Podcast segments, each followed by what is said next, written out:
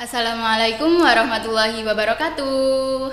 Halo semuanya, sebelumnya perkenalkan dulu ya, saya Anissa Ubaroroh. Nah, di podcast kali ini kita sudah kedatangan narasumber dari salah satu alumni Mamita, yakni Kak Zulfa Anida Sahlan. Halo, Assalamualaikum warahmatullahi wabarakatuh Halo Kak Zulfa, apa kabar Kak? Baik, Alhamdulillah Ya, jadi sekedar informasi nih teman-teman. Kak Zulfa ini salah satu alumni Mamita yang sekarang berkuliah di Universitas Airlangga dan mengambil jurusan Kesehatan Masyarakat. Bukan begitu Kak Zulfa? Betul Nah, Kak Zulfa, bisa dijelaskan nih Kak, apa sih jurusan Kesehatan Masyarakat itu? Dan kenapa Kak Zulfa memilih untuk mengambil jurusan ini daripada jurusan yang lainnya, Kak? Ya, jadi gini, kalau misalnya di kesehatan itu ada empat jenis ya promotif, preventif, kuratif, dan rehabilitatif. Jadi kalau misalnya teman-teman tahu yang misalnya eh, apa namanya familiar ya sama jurusan-jurusan kesehatan itu kedokteran, Iya. terus keperawatan itu bersifat kuratif dan rehabilitatif. Jadi itu menyembuhkan. Tapi kalau misalnya di kesehatan masyarakat itu bersifat promotif dan preventif. Jadi itu bersifat mencegah atau apa namanya melakukan edukasi sebelum seseorang itu terjangkit sebuah penyakit gitu. Oh begitu Kak. Lalu bagaimana sih pengalaman Kak Zulfa yang pada akhirnya itu memilih untuk mengambil jurusan kesehatan masyarakat? Oh ya, jadi gini, kalau dulu itu pertama saya tuh pengennya kedokteran kan. Cuman kok dirasa-rasa terlalu idealis begitu. Itu dulu ketika saya SNMPTN ya, kan Oh, iya. Nah, di SNMPTN itu saya rasa kok terlalu idealis kalau misalnya saya itu ambil kedokteran gitu. Akhirnya saya pengen di kesehatan, tapi yang sifatnya itu nggak rehabilitatif. Akhirnya ambillah kesehatan masyarakat itu tadi. Jadi kalau misalnya kalian tahu kesehatan masyarakat itu seperti jurusan sosial, tapi khusus kesehatan aja. Berarti tidak menyembuhkan ya Kak ya? Enggak, jadi bersifat promotif eh promotif dan promotif dan preventif. Oh begitu Kak. Nah, menurut Kak Zulfa nih yang sedang menekuni kesehatan masyarakat ya Kak ya, gimana sih caranya agar kita itu bisa ikut untuk peduli pada kesehatan masyarakat? Eh, jadi kalau misalnya promotif dan preventif yang bisa dilakukan sama masyarakat sekitar atau kita-kita ini sebagai pelajar itu mudah sekali ya. Terutama hal-hal kecil kayak misalnya yang sekarang ini lagi digencarkan cuci tangan kan, Oh, iya. Iya kan? Nah, dulu orang-orang selalu underestimate sama ngapain cuci tangan gitu kan nggak penting. Menurut mereka cuci tangan itu hal yang sepele begitu, tapi dengan adanya pandemi ini kita semua jadi sadar bahwa oh cuci tangan itu ternyata nggak sesepele itu ya begitu. Ternyata dari cuci tangan itu kita bisa mencegah diri kita sendiri dari penyakit-penyakit yang bahkan mematikan begitu. Seperti COVID-19 yang sekarang lagi booming Iya. begitu. Karena di tangan itu juga banyak sekali bakteri ya kak ya. Iya, betul. Jadi penting banget nih teman-teman buat cuci tangan. Nah terus nih kak, menurut informasi yang saya dapatkan nih, kak Zulfa ini kan aktif juga berorganisasi. Nah gimana sih caranya kak Zulfa ini mengatur waktunya agar sesuai antara akademik dan non akademik ini? Jadi agar seimbang gitu kak.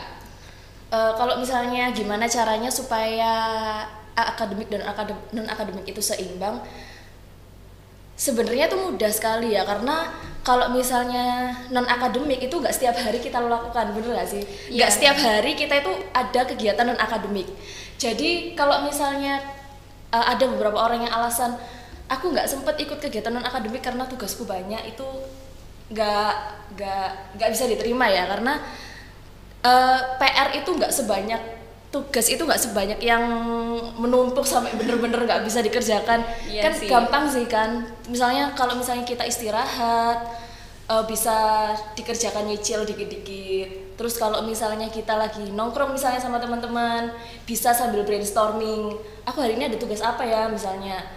Oh tugas A. Lah itu dipikir meskipun kita nggak mengerjakan tapi kan paling tidak kita sudah punya ide. Iya, berarti atau sudah punya pandangan. berpikir. iya betul. Ada punya pandangan gimana kita menyelesaikan tugas itu jadi kalau misalnya kita sudah di depan ya kita sudah tinggal mengerjakan aja Oh gitu ya Uh, kak. ya? jadi kalau misalnya dari situ kita bisa pasti bisa lah menyeimbangkan apa namanya antara akademik dan non akademik terus juga uh, curiosity itu perlu banget ditanamkan jadi gimana kita harus selalu cari tahu terhadap apa yang nggak kita tahu Oh jadi kita itu harus mencari tahu selalu ya kak ya? Harus harus. Jadi kayak misalnya kamu nggak nggak ngerti soal materi ini misalnya, itu harus ditanyakan dan harus ditanyakan dari awal begitu karena setiap materi itu berkaitan. Jadi kalau misalnya apa namanya sebelum kita nggak tahu nggak tahu lebih jauh, mending ditanyakan dari awal. Terus juga eh, organisasi itu penting sih. Jadi kalau misalnya nggak boleh non non akademis terus nggak boleh juga akademis terus semuanya itu Ya. harus seimbang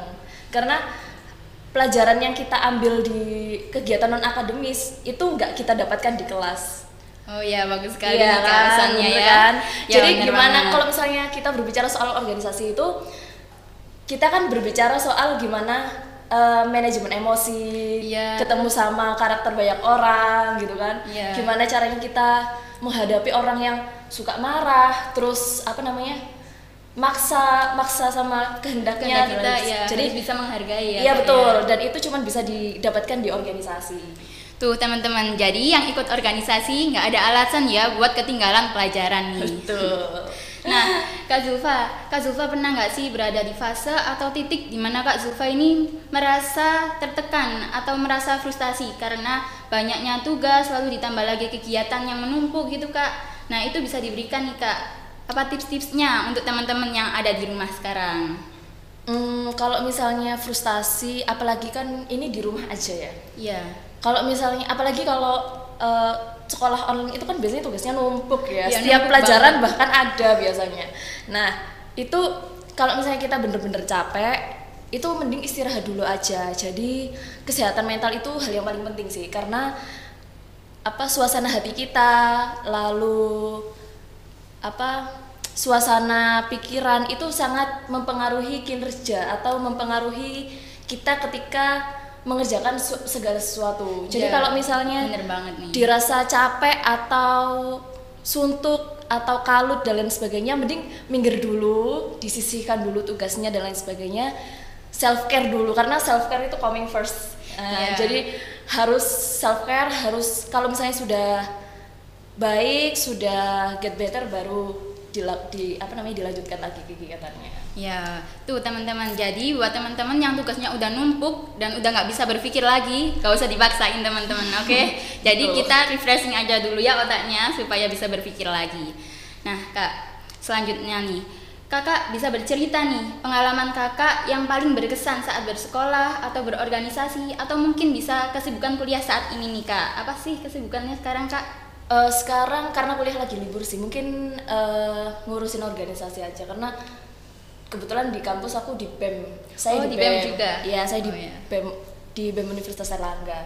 Kalau misalnya ditanya apa yang paling berkesan ketika saya di Semamita itu ketika saya belajar organisasi itu hal yang paling berkesan menurut saya ketika saya sekolah karena dari saya belajar organisasi di SMA itu pelajarannya nyangkut bener sampai sekarang. Berarti ber- berkelanjutan gitu ya kak Berkelanjutan, ya? jadi- sampai di organisasi di perkuliahan juga. Saya S- SMP itu nggak ikut organisasi sama sekali, baru ketika SMA. Nah di SMA itu saya ketemu IPM, saya ketemu teman-teman, saya ketemu senior. Nah di situ saya dikasih banyak pelajaran gitu, sehingga ketika saya masuk kuliah itu baru kerasa manfaatnya. Meskipun dulu ketika SMA itu ngerasa capek banget gitu Oh, kan iya. ikut berorganisasi, tapi ternyata manfaatnya itu baru saya rasakan sekarang. Mungkin bisa jadi ini cuman sedikit dari manfaat yang saya rasakan. Ya. Kalau boleh tahu manfaat apa sih yang dirasakan Kak Zulfa saat Kak Zulfa ikut berorganisasi?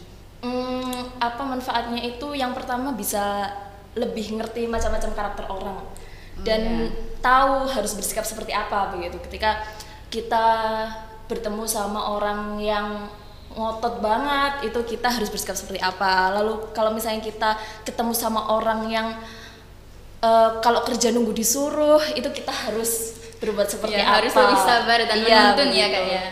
Nah, Iya. kalau misalnya eh, dari dari IPM saya mendapatkan banyak hal sih, terutama yaitu tadi cara bersosialisasi dengan orang, terus cara menjaga relationship antara saya dan teman-teman saya supaya tetap jalan, tetap terjaga begitu.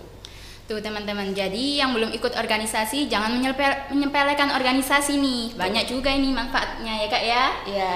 Nah Kak, apa sih harapan Kakak ini untuk para generasi penerus Mamita nih dari sekarang khususnya? kan ini kan lagi pandemi juga nih, pasti mereka butuh motivasi nih kak. Eh, kalau motivasi pesan itu mungkin lebih ke kuat-kuat aja lah. enggak, enggak, enggak. Jadi banyak sebenarnya yang bisa kita lakukan apalagi kalau misalnya teman-teman teman-teman tahu di tengah pandemi ini banyak sekali webinar-webinar lalu seminar-seminar yang bisa bisa digunakan untuk ladang mengimprove diri atau mengembangkan diri lalu ada banyak kegiatan lomba-lomba juga saya selama pandemi ini selama enam bulan ini saya sudah apply sekitar 3 sampai 4 uh, kompetisi karya tulis Wow, banyak ya kak ya? Iya. Wah. Terus baru kemarin malam itu KTI saya sama teman-teman diterima didanai sama Pertamina Foundation. Wow, hebat banget nih, didanai dong gimana nih? Iya, terus juga banget. itu saya belajarnya dari SMA juga. Mungkin kalau Oh. misalnya saya antisosial gitu kan, Iya. saya nggak mau saya antisosial terus nggak mau brainstorming, males mungkin saya juga nggak akan nyampe di titik ini. Terus juga beberapa bulan yang lalu abstrak saya sama teman-teman juga diterima di Turki. Cuman karena Wow. gara-gara pandemi ini acaranya di cancel jadi Oh. ya- sayang banget ya kak Iya sayang ya. banget, sayang banget. Padahal eh, apa namanya KTI-KTI itu yang diangkat juga tema-tema yang ringan gitu, tapi nggak semua orang itu sadar tentang tema tema apa yang kita angkat begitu. Jadi melalui hal-hal kecil itu kita bisa menulis dan apa namanya meng- memberi wawasan ke orang-orang orang-orang yang di sekitar ya kak ya. Tuh teman-teman, jadi kalau misalnya di rumah aja jangan apa ya jangan pusing, jangan depresi ya. Kita itu bisa mencari hal-hal yang kita suka nih, karena waktu kita juga banyak. Lalu kita juga bisa mengedukasi lagi banyak pelajaran yang kita ambil saat di sekolah. Ya, ya alhamdulillah sudah banyak ya pengalaman yang bisa kita ambil mulai dari informasi tentang jurusan kesehatan masyarakat, lalu pengalaman berorganisasi sampai pesan dan harapan Kak Zulfa untuk Semamita. Nah, terima kasih Kak Zulfa atas kehadirannya dan menyempatkan waktu datang ke podcast kita ya. Sukses selalu buat